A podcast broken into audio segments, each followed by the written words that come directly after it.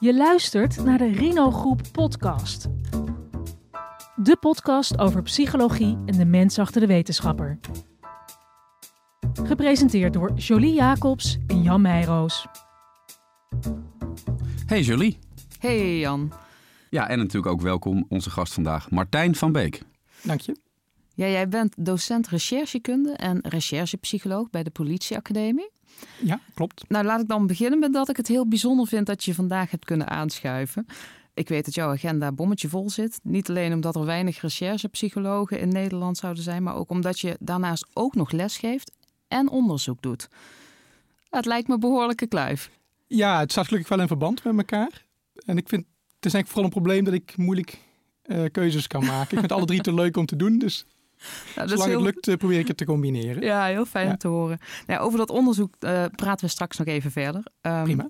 Er zijn volgens mij niet al te veel recherchepsychologen in Nederland, toch? Hoeveel, hoeveel zijn het er ongeveer? Oh, dat is een goede vraag. Ik denk dat nu in de loop der jaren dat er 40 tot 50 opgeleid zijn. Uh, er is een klas die heeft nu net al examens gehad. Die krijgt ja? binnenkort een diploma.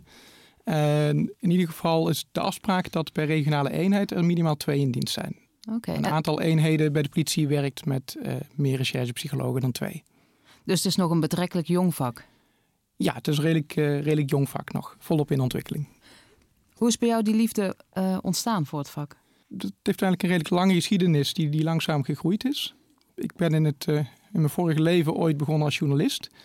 En daar werd de politieverslaggever ziek. En op dat moment werd ik gevraagd om dat over te nemen. Ben ik journalistiek werk gaan maken rondom politie, opsporing. En ja, uiteindelijk uh, daar helemaal ingerold. Na een paar jaar ook de overstap uiteindelijk gemaakt naar de politieacademie en daar docent geworden. Maar de, die overstap, eh, moest je dan ook zelf een soort basis, wel, ja, wel een soort training. Het, het recherchevak als zodanig moet je natuurlijk ook wel een beetje snappen. Door stage te gaan lopen in rechercheteams heb ik dat opgepikt. Uh, en daarnaast ook omdat ik docent werd, een docentenopleiding. Maar goed, het is niet zo dat je ook een, een, een wapen bij me en dat soort dingen. Nee, ik heb geen wapen bij me. ik mag ook zelf geen verhoren uitvoeren. Dus al die, dus al die zaken die rechercheurs en die politiemensen mogen, die mag ik niet. Nee, duidelijk. Nee, ik mag ze alleen adviseren. Oké, okay, dan, dan eventjes heel concreet. Hè. Wat doet een recherchepsycholoog? Een uh, recherchepsycholoog die uh, ondersteunt de recherche, ondersteunt de opsporing uh, vanuit een gedragskundig perspectief. We hebben het werk grofweg in vijf domeinen verdeeld. Mm -hmm. uh, dan moet je denken bijvoorbeeld aan risicotaxatie. Uh, dus er is een bedreiging uh, bijvoorbeeld. En dan is het altijd de vraag, ja, hoe serieus is die bedreiging? En valt er wat te zeggen over degene die die dreiging doet, hoe serieus die dat meent? En dat kan bijvoorbeeld zijn omdat het gaat om de bedreiging van een bekende politicus. Maar het kan ook zijn in een huistuin- en keukensituatie. Bijvoorbeeld bij een geval van stalking. dat is het eerste domein, het tweede domein uh, en het derde domein hebben allebei betrekking op verhoor.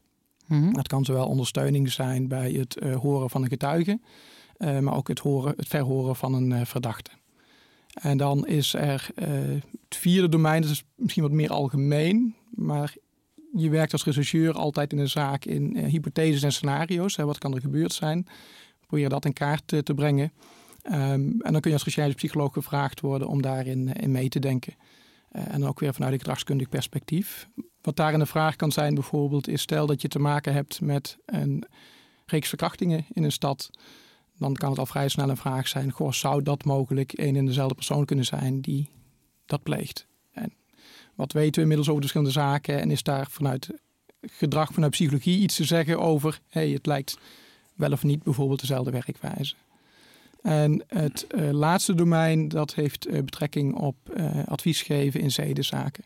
Bij zedenzaken zie je dat er zowel sprake is van onderrapportage. Dus er zijn heel veel zedenzaken die komen niet eens bij de politie. Kijk naar de hele MeToo-verhalen van de afgelopen jaren. En aan de andere kant weten we ook, in ieder geval bij zedenzaken weten we dat redelijk goed... dat het ook nog wel eens voorkomt helaas dat mensen een onjuiste aangifte of een onjuiste verklaring afleggen. En daar kan ook weer een hele dynamiek achter zitten. Uh, waarbij recherchepsychologen soms gevraagd worden om daar vanuit hun expertise naar te kijken. In de intro hadden we het al even over betrekkelijk jong vak. Maar hoe is het vakgebied dan echt ontstaan? Het vakgebied is ontstaan, ik denk ergens in de jaren negentig, rond de eeuwwisseling. Uh, op dat moment zag je dat bij de politieacademie, bijvoorbeeld bij de opleidingen op het gebied van verhoor, enkele gedragskundigen kwamen, kwamen werken als docent. En in enkele toen nog politiekorpsen was ook sprake dat er de hulp werd ingeroepen van psychologen. Vaak op dat moment nog vanuit een uh, project. Hè, dat was bijvoorbeeld een vraag rondom uh, criminaliteit gepleegd door jongeren. Uh, dus er werd er iemand binnengehaald die daar wat over kon, kon zeggen. Um, en het is zo gaandeweg, is, is zeg maar die inzet wat breder geworden. Um, en dat heeft een, ik denk een extra ontwikkeling gekregen op het moment dat zo'n 10, 15 jaar geleden toch wel duidelijk werd ook dat er een aantal uh, opsporingsonderzoeken waren waarbij uh, mensen ten onrechte waren veroordeeld. Dat heeft geleid tot uh, een grote review hè, van wat gebeurt er dan in zo'n opsporingsonderzoek. Hoe kan het dat iemand een valse bekentenis aflegt en welke zaken is dat wellicht gebeurd. En dat heeft geleid tot uiteindelijk een, een heel verbeterprogramma in de opsporing. En in dat verbeterprogramma zijn ook recherchepsychologen meegenomen. Uh, inmiddels ook weer tien jaar geleden hebben we een reorganisatie gehad van de politie. Het werd één landelijk korps. En daarin is ook vastgesteld dat iedere eenheid minimaal twee recherchepsychologen in dienst moest hebben. En wat is dan het verschil tussen de plek die het verdachte verhoor destijds in zo'n onderzoek had en die het nu heeft? Wat je toen vaak zag was dat een uh, verdachte, als die in beeld kwam, redelijk snel werd aangehouden en naar binnen werd gehaald om te kijken of je in verhoor uh, meer details kon krijgen of je het verhaal van de verdachte kon krijgen. Mhm. Ik denk dat de ontwikkeling die je sinds die tijd ziet, dat het vaak uh, het verhoor wat meer verschuift naar een latere fase in het onderzoek. Waarbij je bijvoorbeeld al vanuit uh, forensische opsporing, de technische recherche zoals we die vaak nog kennen, maar de forensische opsporing, al heel veel materiaal verzameld is. Zodat je in een later stadium dat gesprek aangaat om vooral nog die verklaring van die verdachte te kunnen toetsen tegen de overige feiten die verzameld zijn. En, en als je bijvoorbeeld het verschil pakt met al dan niet valse bekentenissen, hoe, mhm. hoe ging dat vroeger dan? Um, nou ja, de, de focus uh, destijds was op uh, gaan voor die bekentenis. wat dan ook. Uh, Wat dan ook. En, en linksom of rechtsom en, en wat daarvoor nodig was. Je wilde een bekentenis hebben en daar werd dan vaak het onderzoek op gebouwd. Nou ja, we weten dat dat in zekere zin werkt. Maar misschien kun je zeggen het werkte goed. Want het laat ook dat ja, maar... laten ook onschuldigen in sommige gevallen een bekentenis afleggen. Maar hoe zorgden die mensen er dan destijds voor dat mensen juist geen vals... Want ja, je hebt niks aan een vals bekentenis. Dus hoe zorgen ze ervoor dat mensen niet bezweken onder druk van... oeh, nu moet ik een bekentenis afleggen, ook al heb ik niks gedaan? Of, of gebeurde dat überhaupt niet? Um, werd er niet naar gekeken? Nee, dat, dat, dat gebeurde wel. En dat werd ook wel ge, uh, gecheckt en gecontroleerd. Mm -hmm. uh, voor zover dat mogelijk was. Maar ik denk het, um, het echte besef dat mensen ook iets kunnen bekennen wat ze niet gedaan hebben. Mhm. Eh, dat, dat is echt iets van de recentere jaren, dat dat gegroeid is. En dat het ook echt gewoon in concrete uh, zaken is aangetoond dat dat dus kan en dat het bestaat. Uh, ook in Nederland helaas. Ja, ja. En als je nog even over dat vak, de recherchepsycholoog, je hebt natuurlijk ook een forensisch psycholoog of een rechtspsycholoog. Ja. Wat zijn daar de belangrijkste verschillen tussen? De recherchepsycholoog die is er in de fase van de opsporing. Dus op het moment dat er uh, gereconstrueerd wordt van wat is hier nu precies gebeurd, uh, wie komt daarvoor in beeld als uh, verdachte. dus die staat ten dienste van dat rechercheteam. De forensisch psycholoog en de rechtspsycholoog komen vaak in de fase daarna in beeld, bij de vervolging. Dus er is een verdachte en die wordt voor de rechter gebracht. de forensisch psycholoog heeft dan de taak om iets te zeggen over de geestesgesteldheid, bijvoorbeeld van die verdachte en wat dat betekent voor een eventuele straf.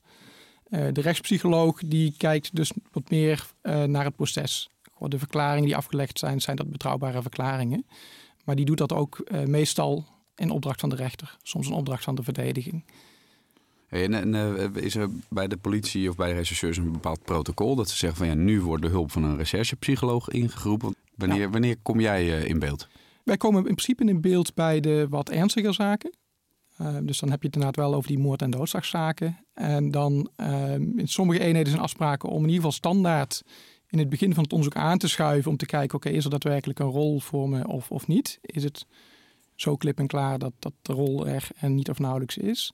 Uh, of is die rol wat groter? Um, in andere onderzoeken wordt er gekeken van, oké, okay, we hebben nu bijvoorbeeld informatie dat de getuige op grond van persoonlijke uh, problematiek, psychiatrische problematiek, misschien een kwetsbare getuige is. Of voor de verdachte kan hetzelfde gelden. dan zijn dat argumenten om te denken aan een recherchepsycholoog. Volg je altijd dezelfde stappen? Ik bedoel, ik kan me voorstellen dat je bij een, potentiële verdachte weer anders te werk gaat dan bij een getuige. Nou, ik volg niet altijd dezelfde stappen. ik probeer de stappen die ik zet wel zeg maar, zo objectief mogelijk te maken en ook uit te leggen aan het, aan het team. maar het hangt heel erg van de, van de vraag ook af die er, die er ligt. Jij zei straks, er zijn vijf domeinen. Hè? En ik hoor Jan zeggen uh, verdachte of getuige. Maar zit jij bij beide of zit jij op één van die domeinen? Ik zit met name op verhoor. Uh, En dan nog weer met name op verdachte verhoor. Oké, oké. en kun je ons eventjes met een voorbeeld zo een beetje mee aan de hand nemen? Dus er komt een verdachte binnen. En hoe verloopt dat dan? Dus wie zijn erbij betrokken? En, en... Ja, dus je bedoelt de, de, de opmaat naar het verhoor. Ja. Ja, nou, daar komt in een onderzoek komt er iemand in beeld. Op enig moment kun je vaststellen van nou, er zijn redelijke vermoedens. Dan komt er toestemming van een officier van justitie om die persoon aan te houden als, uh, als verdachte. Mhm. Die krijgt dan in ieder geval een voorgeleiding, zoals dat heet, uh, waarin uitgelegd wordt wat de verdenking is. En dan begint de verhoorsituatie. En als je het dan hebt over de zaken waar een recherchepsycholoog bij betrokken is, dan heb je dus meestal over moord, doodslag, die gradatie van onderzoeken.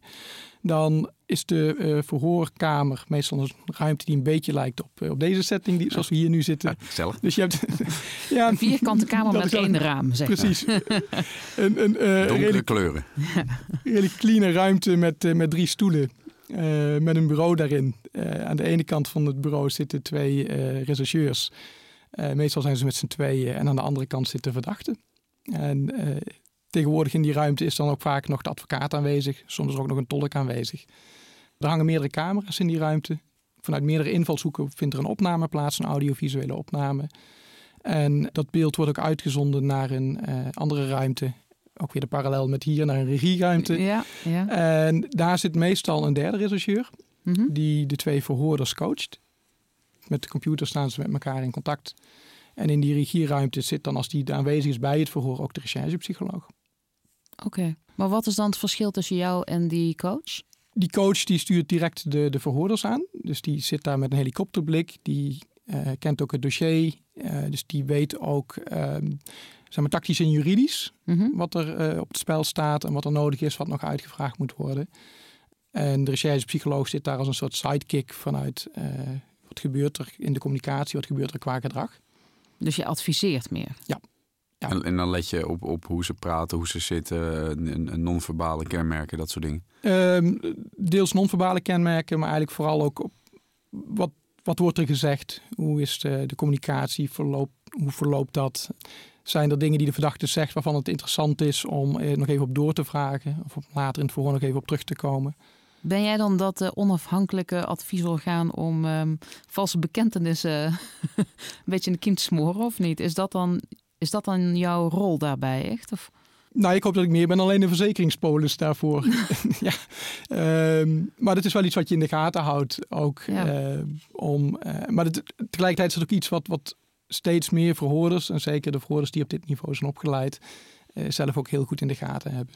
En ben je dan ook in staat om tijdens zo'n verhoor bijvoorbeeld een, een psychische stoornis te herkennen? Nee, Um, dat is denk ik ook een valkuil waar je niet in moet, uh, moet trappen. Soms heb je uh, voorkennis, mm -hmm. uh, omdat er bijvoorbeeld rapportage beschikbaar is over een getuige of een verdachte. of omdat mensen uit de dienstomgeving dat, dat verteld hebben in eerdere verhoren. Dus daar probeer je in ieder geval in de voorbereiding ook rekening mee te houden. En soms gebeuren er wel dingen in het voor waarbij je denkt van... goh, dat is met mijn psychologenbril, dat is interessant gedrag. Maar, Zoals? Geef ze een voorbeeld. Nou ja, kan me wel een, een voorsituatie herinneren dat uh, iedere keer um, als er een, een, vanuit de inhoud kritische vraag gesteld wordt aan de verdachte, dat die begon te huilen. En op dat moment dat de verhoorders dan ook daar, daarin meegingen, empathie toonden en zo. Ehm, maar met als gevolg dat het antwoord op die kritische vraag nooit gegeven werd. Nou ja, dat, dat kan één keer gebeuren, dat kan twee keer gebeuren. Maar als je op een gegeven moment het gevoel krijgt van... goh, dat is toch een soort patroon, lijkt het wel bij deze verdachte. Dan probeer je de verhoorders dus mee te geven van... goh, prima dat je even meegaat, maar probeer ook je kritische vraag toch even opnieuw te stellen... om te kijken of er wel degelijk een antwoord nog op, op volgt. Maar ben je dan meer een psycholoog of ben je meer een gedragswetenschapper? Interessante vraag. Uh, we noemen het recherchepsycholoog. Vooral ook om eenduidig te hebben van oké, de recherchepsycholoog is degene die uh, daadwerkelijk ook die functie heeft, mhm. die daarvoor is opgeleid.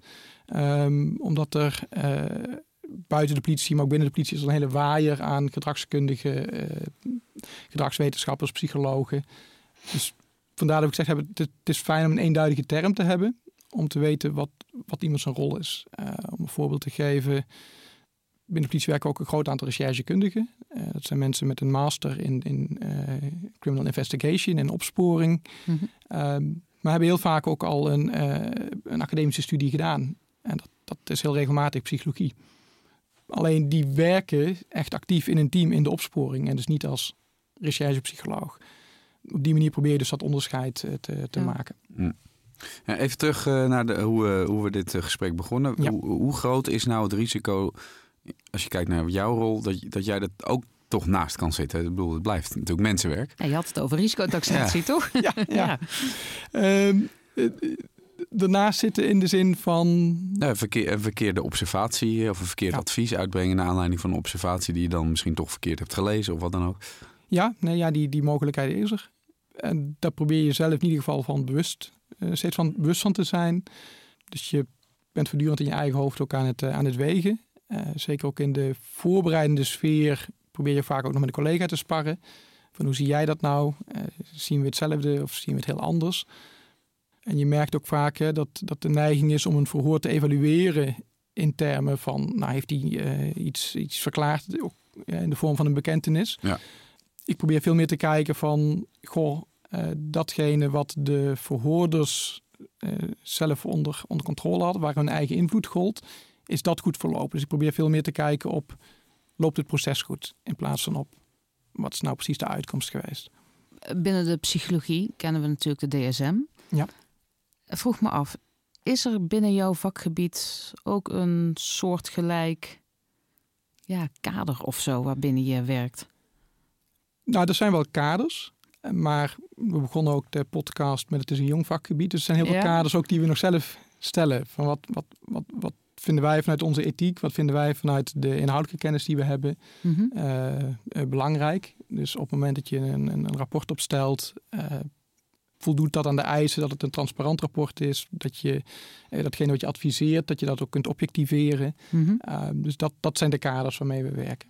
Is dat dat, um, ik heb een beetje natuurlijk zitten inlezen, ja. gaat het dan om dat uh, PEACE-kader wat er bestaat of niet? Of is dat iets heel anders? Uh, PEACE is een uh, kader van de Britse politie. Ja?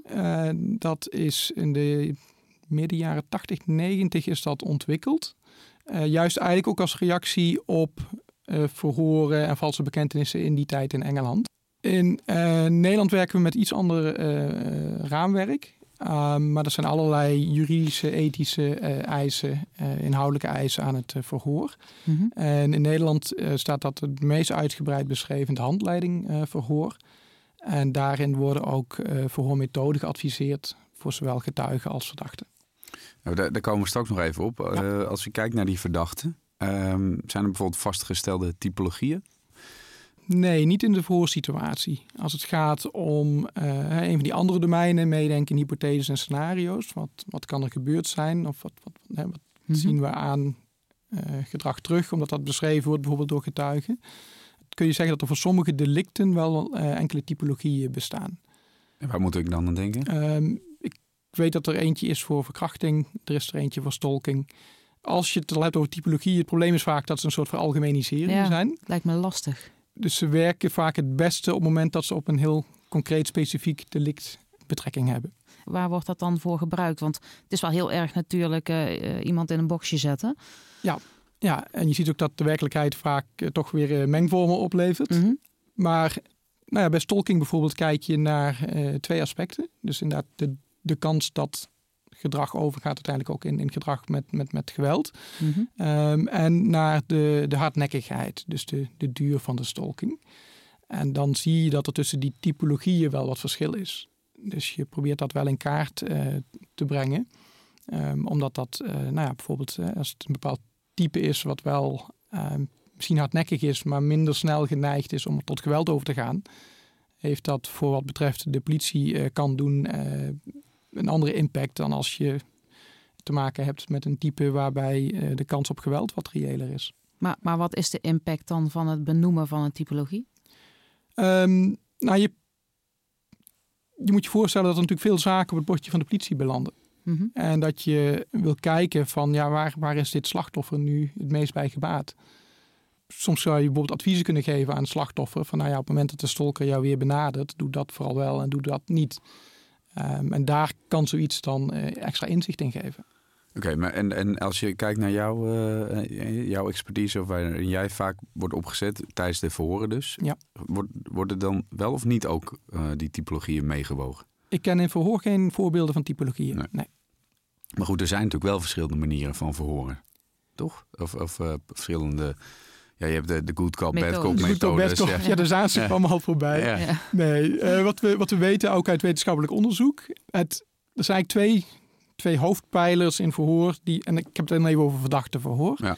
Uh, die maken of een verdachte uh, wel of niet een verklaring af, uh, aflegt.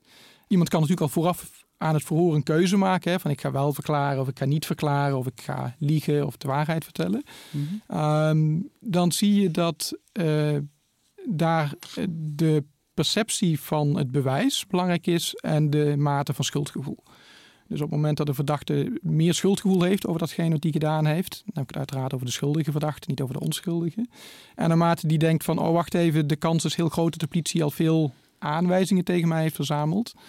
Dat leidt over het algemeen tot wat eerder de afweging van, oké, ik kan maar beter wel een verklaring afleggen. Uh, dus daar zie je rol van bewijs als ene pijler. Uh, tijdens het verhoor of je wel of niet een verklaring aflegt, dat blijkt heel erg samen te hangen met de werkrelatie die de verhoorders weten op te bouwen met de verdachte. Um, en soms ook werkrelatie, ook weer een relatie tot die hoeveelheid uh, bewijs. Dus die andere belangrijke pijler is werkrelatie. Simpel uh, gun ik het als verdachte dat ik, of vertrouw ik de verhoorders voldoende dat ik mijn verhaal ook, ook wil doen. Dus op die twee pijlers probeer je eigenlijk als verhoorder te werk uh, te gaan. Zorgen dat je ja, de, de, feiten hebt en, en zorgen dat die werkrelatie er komt. Jij zegt vertrouw ik de verhoorder, maar is er dan überhaupt uh, sprake van vertrouwen? Want ja, als diegene het gedaan heeft, ja, alles leuk en aardig, maar die wil natuurlijk niet uh, de langst mogelijke straf krijgen. Ja, ja en toch, toch blijkt dat dat aspect, die afweging, in het hoofd van de verdachte een grote rol speelt. Dus voel ik me nou ja, in die clean setting die we net beschreven hebben, voel ik me hier voldoende vertrouwd, voldoende veilig, voldoende gehoord. Ja. Um, om dat verhaal te doen. Ja, het is natuurlijk niet dat alle verdachten die ook daadwerkelijk schuldig zijn, allemaal uh, slimme masterminds zijn die proberen uh, allemaal dingen te ontwijken. Ik denk dat ook heel veel verdachten misschien ja, een soort misschien wel een crime passioneel of zo doen en dan juist fijn vinden om een verhaal uh, te kunnen doen. Nou ja, dat, dat kan een voorbeeld zijn. Ehm, kijk, de, hm voor een deel natuurlijk is eh, criminaliteit, is, is gedrag komt misschien voort vanuit dat feit dat iemand in een crimineel milieu leeft enzovoort. Dat is misschien een wat meer berekende misdaad. Ja. Maar veel moord en doodslag is, ja, je noemt het crime passionnel, maar ja, zit toch vaak ook in de relationele sfeer. Ja. Zeker in dat soort zaken moet je denk ik voorstellen dat je op dat moment iemand treft, eigenlijk vaak heel kort na het moment dat hij misschien wel de grootste stommiteit van zijn leven begaan uh, heeft met alle emoties en, en, en, en, gevoelens ook die, die daarbij horen op dat moment. Uh, dus je treft mensen vaak niet op hun meest eh, stabiele, meest vrolijke moment in hun leven. Ook niet als ze, als ze verdachten zijn. Maakt het allemaal een stuk menselijker dan uh, waar we in het begin zeg maar over hadden. Ja, toch? Ja, want we hadden het eerst over hè, alles wordt eraan gedaan om maar een valse hè, om een bekentenis af, te, af te geven. E eventueel een valse. Het maakt niet zoveel uit. Dus dan klinkt dit eigenlijk al alsof er een gigantische stap is gezet tussen wat het was en wat het nu is. In ieder geval wat het moet zijn. Ja. en, en waar je probeert, ja. uh, ook in, in, samenwerking met die verhoorders, is het, uh, is het nou, te creëren. Is het nou iets typisch Nederlands of Europees? Of, of gebeurt het ook al in Amerika bijvoorbeeld? Ik, ik, ik, mijn, mijn, mijn mijn vooringenomenheid zegt dat in, in Amerika ze misschien wel denken... wat een softies die Nederlandse ja. regisseurs. Ik, uh, ik denk dat um, de, de, beweging zeg maar, die we nu schetsen is in Engeland uh, begonnen. Uh, daar zijn de eerste zaken aan het licht gekomen met, met, met, met valse bekentenissen. Afgedwongen bekentenissen is misschien een beter woord. En dat, heeft zich, dat inzicht heeft zich daarna verspreid ook in andere Europese landen. en ik denk dat een aantal van van de West-Europese landen op dit moment daar wel in voorop loopt in, in het creëren en het, en, zeg maar, het hele ombewegen naar die nieuwe situatie. Een land als Canada volgt daar, volgt daar ook in. Daar, zie je nog een beetje beide scholen, zeg maar de oude school met good cop, bad cop enzovoorts. maar ook al een beweging naar die nieuwe school toe. En in Amerika is dat eh, echt een, een, een, recente ontwikkeling. Dat ook daar dat uh, besef aan het groeien is. En dat je nu de afgelopen twee, drie jaar zie je dat daar ook steeds meer rechercheurs ook, ook trainingen krijgen vanuit die meer nieuwe gedachten.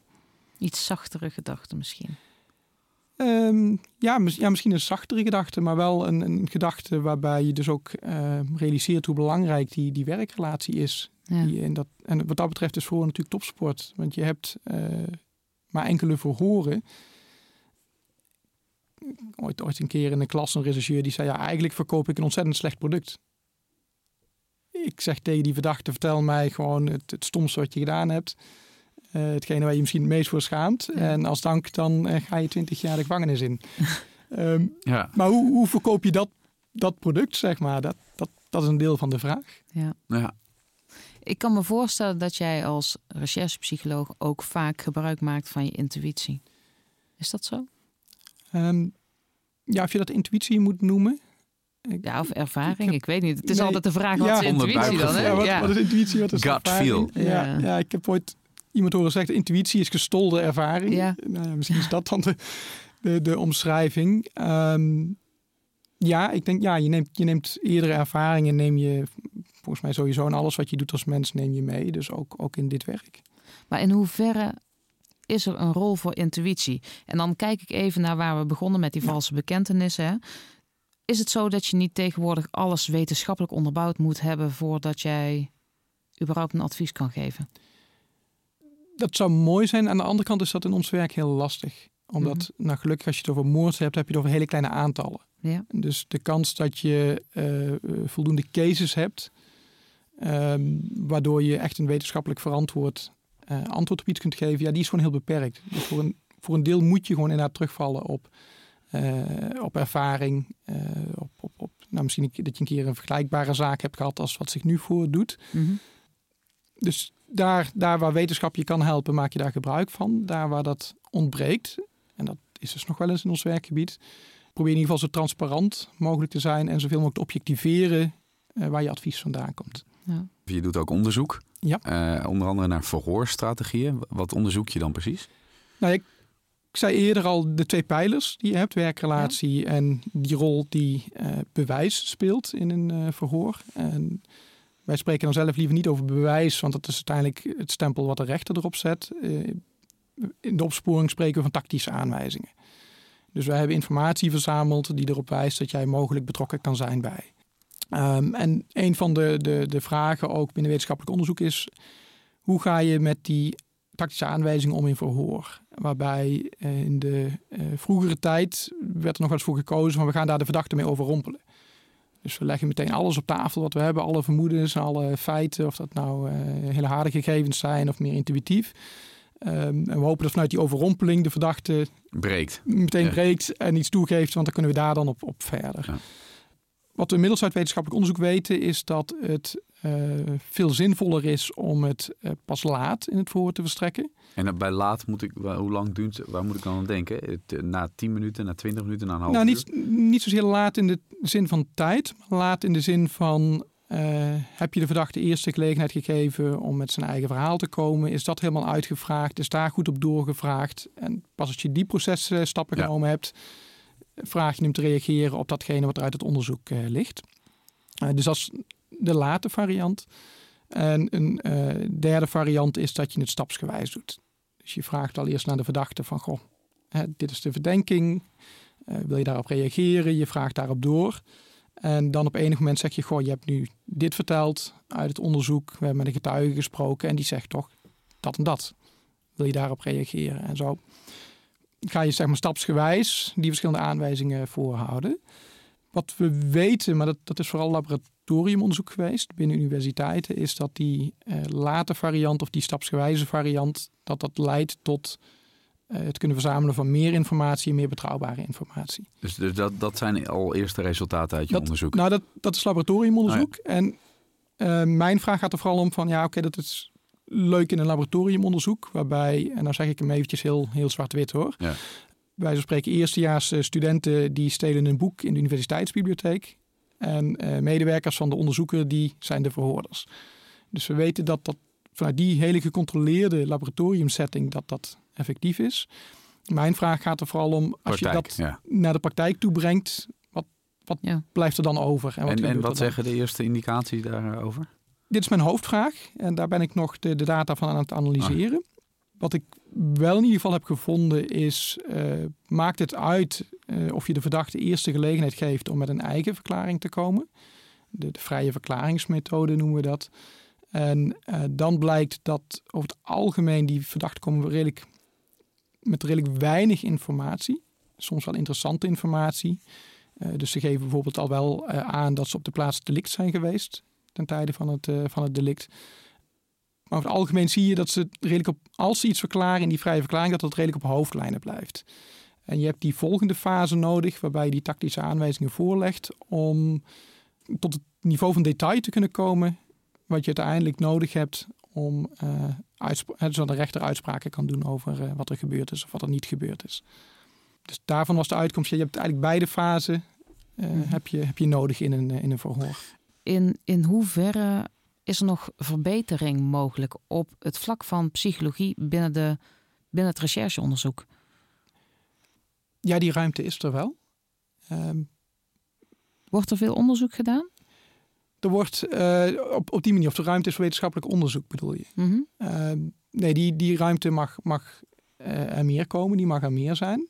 Ehm, ik dacht dat je het vooral had over de, de mate van acceptatie. Mhm. En ik, als dat de vraag was, dan denk ik dat we in de afgelopen twintig jaar uh, qua acceptatie ontzettend veel gewonnen hebben. Uh, dus waar twintig jaar geleden uh, in zo'n rechercheteam er nog wel eens verbaasd gekeken werd van hebben we dan een psycholoog nodig en wat doet ja. die dan? En die acceptatie is wel helemaal tot stand gekomen.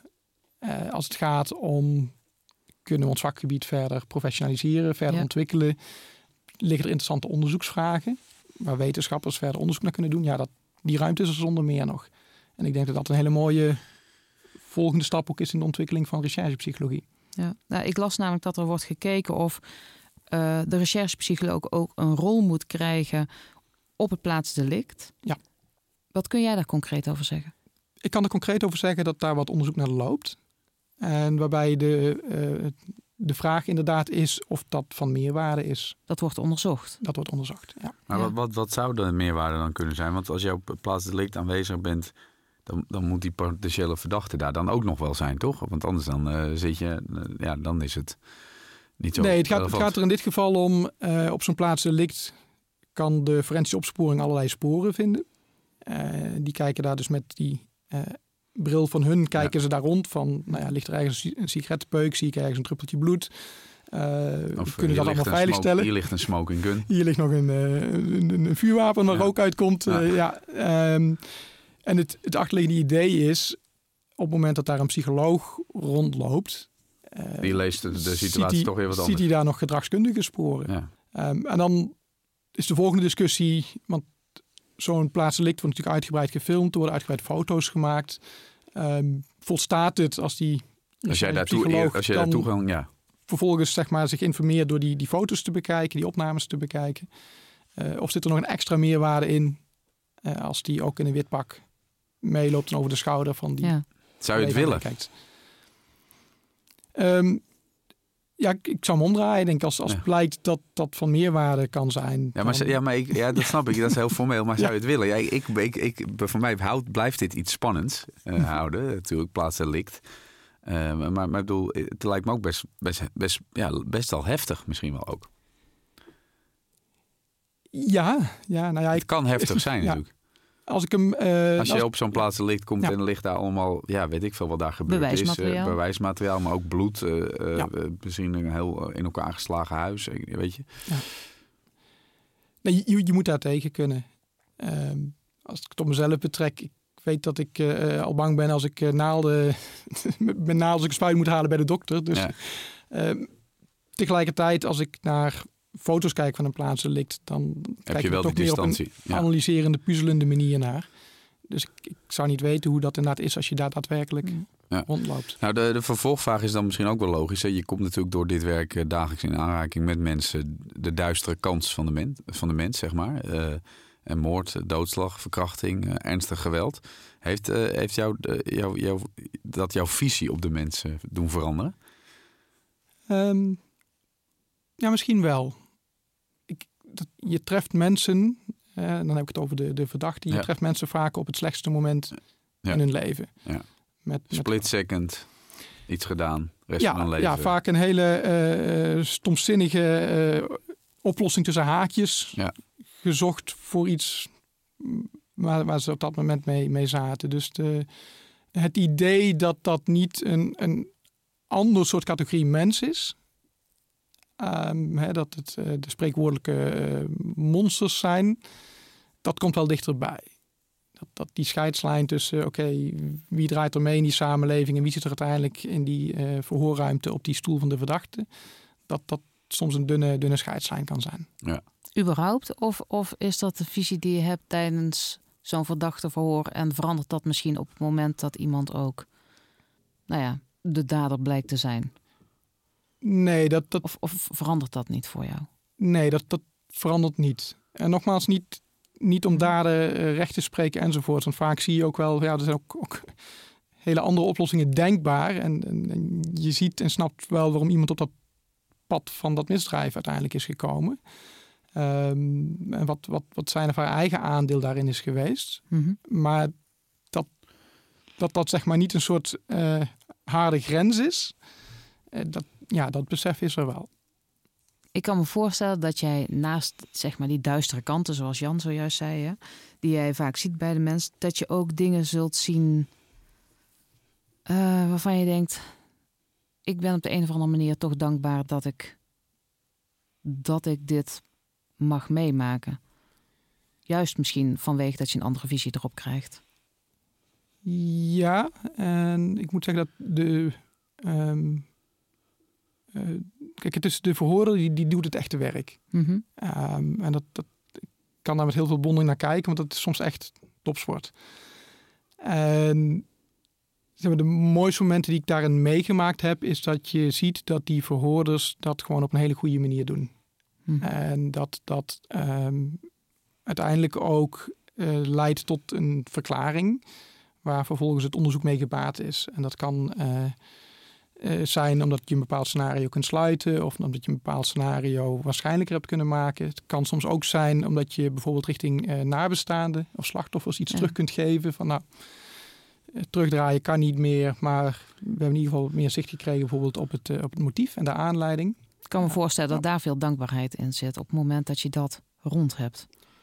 ja, op het moment dat je dat als politie kunt, kunt terugkoppelen. Ehm, en ja, vooral als je dus ook ziet dat, dat dus de eh, verhoorders gelukt is, gewoon door hun goede manier van, eh, van vragen stellen en in gesprek gaan. Is er één specifiek eh, geval wat, wat er uitspringt voor jou? Of, of een speciale gebeurtenis? Ja, ik, ik kan daar verder heel weinig over zeggen, omdat ik niet over lopend onderzoek kan Uiteraard. praten. Ehm, maar ik heb aan een voorbeeld gehoord van verhoorders die ik in, in training heb gehad. ehm, waarbij de verdachte, die al vaker voor andere feiten ook bij politie was beland, eh, na afloop de verhoorders bedankte. Omdat dat de eerste keer was in verhoor dat hij ervaarde dat er een luisterend oor zat. Ja. Dat, is- dat is wel bijzonder, denk ik. Ja. Ja. Nou, en er zijn misschien mensen die deze podcast luisteren... die denken van, eh, dat dit, dit, dit lijkt me een, een heel mooi vak. Ik denk ook dat je daar met heel veel eh, oprechtheid en passie over praat. Eh, dus misschien staan er eh, wel mensen in de rij eh, om, eh, om recherchepsycholoog te worden. Wat moet iemand doen om, om, zo'n, om dit te kunnen worden?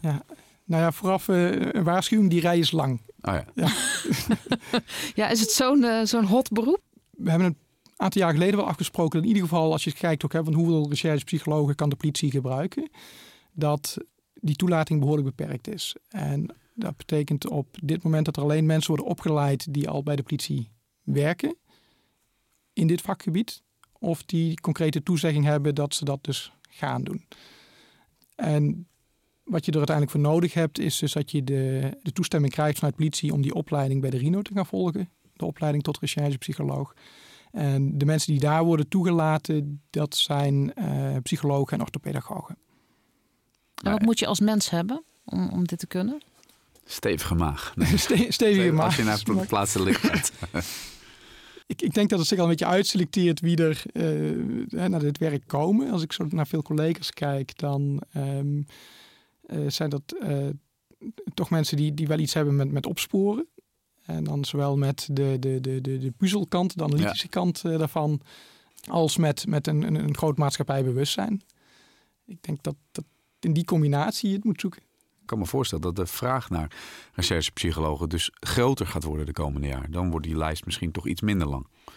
Of, of, of maak ik het nu iets te rooskleurig? Ja, dat zou kunnen. Maar dan, dan denk ik nog dat dat uh, niet groter wordt dan zeg maar, de aantallen die voor de deur staan en het graag ook zouden, zouden willen. Ja. De afspraak is twee recherchepsychologen per eenheid. Er zijn er een paar die hebben er dan wat meer ruimte, maar dan moet je echt denken aan drie, misschien vier nou, als je het hebt dan over in Nederland over uh, 11 eenheden, dan heb je het niet over hele grote aantallen. Nee, duidelijk. Martijn, bedankt voor je komst. Graag gedaan. Dit was de Rino Groep podcast over recherchepsychologie. Het gast bij ons was recherchedocent en recherchepsycholoog Martijn van Beek. Al onze afleveringen zijn online te vinden. Wil je meer weten over onderwerpen die betrekking hebben op psychologie en criminaliteit? Luister dan ook eens de aflevering met Erik Jongman over werken met forensisch psychiatrische jeugddelinquenten. En wil je alle afleveringen beluisteren? Ga dan naar onze website. Dat is rinogroep.nl/slash podcast. Of abonneer je op de Rino Groep podcast via jouw favoriete streamingdienst. Voor nu bedankt voor het luisteren en tot de volgende aflevering. Leuk dat je luisterde naar de Rino Groep podcast. Wil je meer informatie over de Rino Groep? Bekijk onze website rinogroep.nl.